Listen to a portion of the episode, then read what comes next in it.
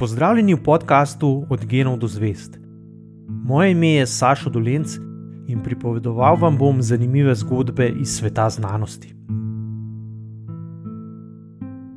Konec januarja leta 1975 sta pianist Keith Jarrett in ustanovitelj glasbene založbe ECM Manfred Eicher po dolgi vožnji z avtomobilom iz švicarskega Züricha zelo utrujena prispela v nemški Köln.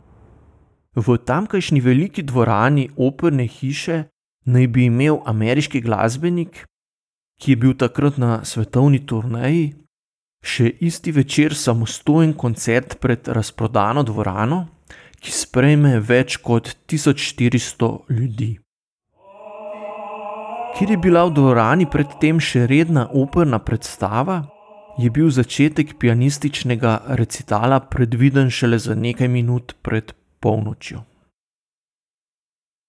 Jazz koncert v Kölnski operni hiši je organizirala takrat 17-letna Vera Brandes, ki je promocija dogodka zelo dobro uspela, saj je karte za nočni koncert razprodala. Ko sta pozno popovdne v mesto prispela še izmučena Jared in Eicher, si je oddahnila, saj je bilo videti, da vse poteka, kot je bilo načrtovano. Glasbenika sta si ob prihodu v dvorano takoj začela ogledovati pripravljen klavir.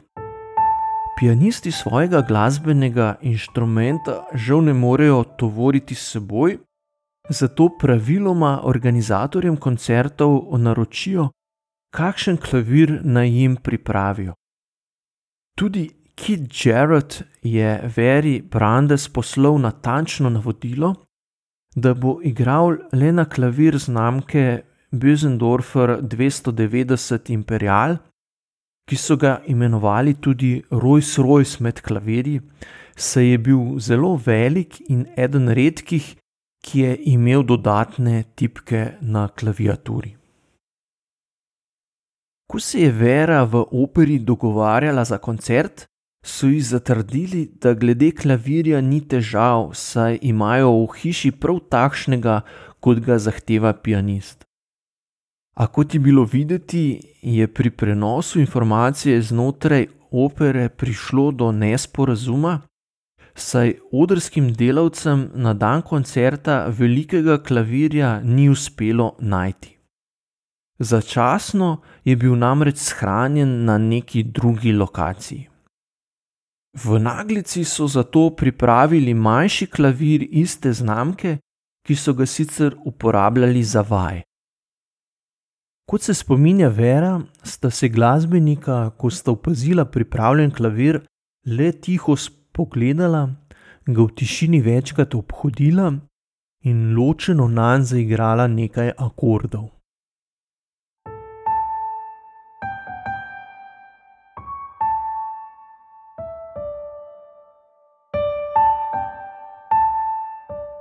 Po dolgem obdobju tišine je Eicher pristopil k Veri in ji na kratko povedal, da je pripravljeni klavir v preslabem stanju da bi Kit lahko na njem odigral predvideni koncert.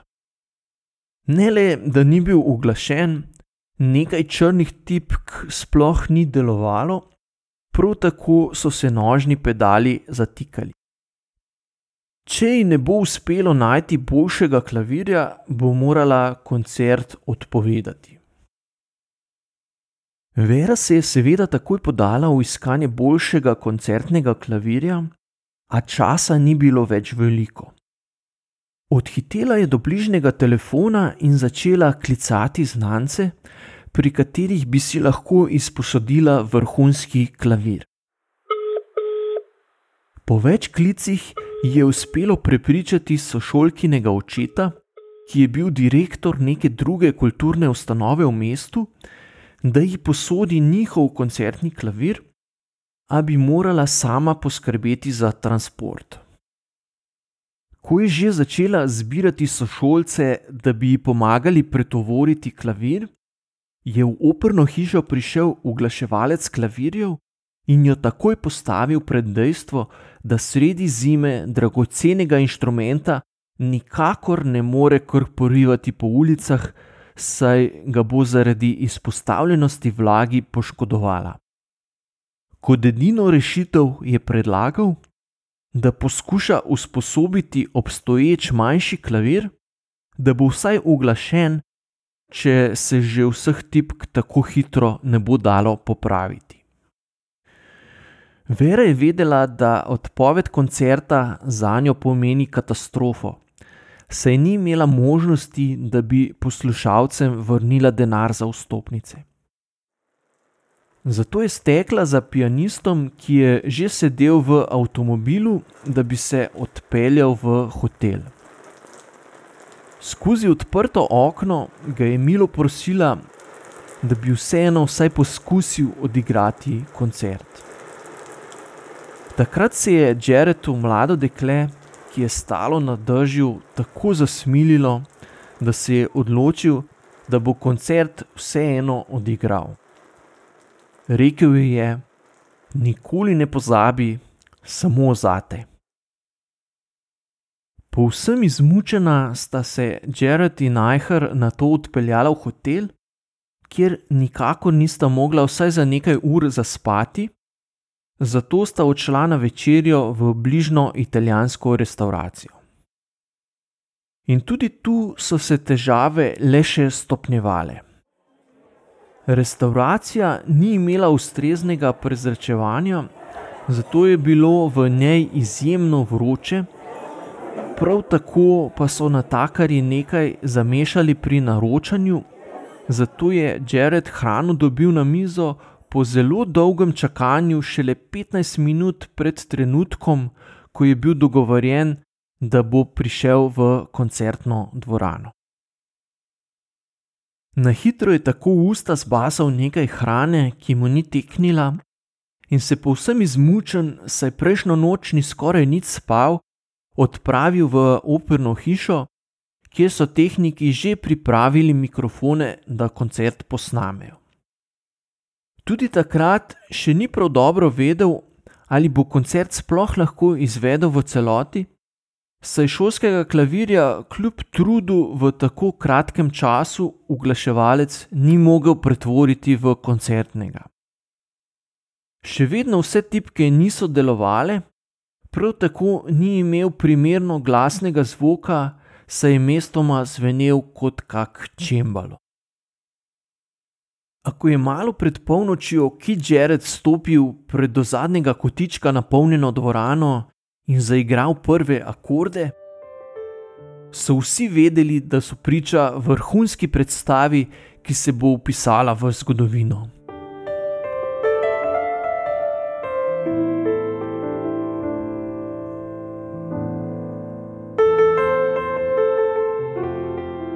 Ne le, da je ameriškemu pianistu uspelo iz pokvarjenega klavirja z raznimi improviziranimi prijemi spraviti nove zvoke, ampak mu je uspelo, po mnenju mnogih, odigrati najboljši koncert svoje kariere.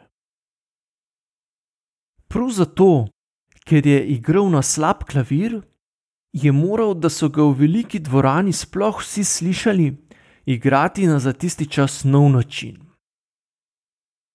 Njegova leva roka je ustvarjala globok, hipnotičen in ponavljajoč se ritem, ki je krepil šibkost basov klavirja, z desno roko pa se je visokim tipkam raj kar izognil in se posvetil sredini klaviature. Rezultat je bila impresivna meditativna zvočna slika, ki je poslušalce povsem prevzela. Ko so novembra istega leta pri založbi ECM posnetek koncerta izdali še v obliki albuma, je bil dobro uro trajajoč klavirski recital zelo dobro sprejet tako med kritiki kot pri poslušalcih. V naslednjih desetletjih so skupaj prodali več kot 3,5 milijona izvodov albuma, kar pomeni, da je nočni koncert na pokvarjenem klavirju postal najbolje prodajan samostojni jazz album in najbolje prodajan klavirski album vseh časov. Koncert v Kölnu je primer, kako lahko nepredvidljive naključne okoliščine, za katere se zdi, da vodijo v katastrofo in neuspeh, v nekaterih primerjih pripeljejo do vrhunskih rezultatov, saj zahtevajo hitro prilagoditev novim okoliščinam.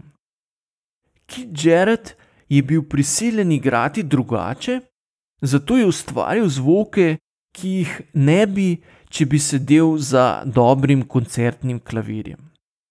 A seveda zagotovil, da se bo zgodil čudež v takšnih primerih ni, zato se nepredvidljivim okoliščinam vsi raje izognemo. Včasih je zato dobro, da nas kdo prisili, da nekaj naredimo drugače, kot smo prepričani, da je najboljše. Za ustvarjalni proces je gotovo koristno, da smo občasno soočeni z nepredvidljivimi okoliščinami, v katerih se ne počutimo domače. A podobno kot pianist Keith Jarrett ne bi nikoli namenoma igral na pokvarjenem klavirju, ker je verjetnost za neuspeh prevelika, si tudi nihče drug pri zdravi pameti ne bi zavestno želel, da se pomemben dogodek ne odvije po začrtanem scenariju. To je bil podcast Od Geno do Zvest. Moje ime je Sašo Dolenc in z novo zgodbo se vam oglasim že k malu.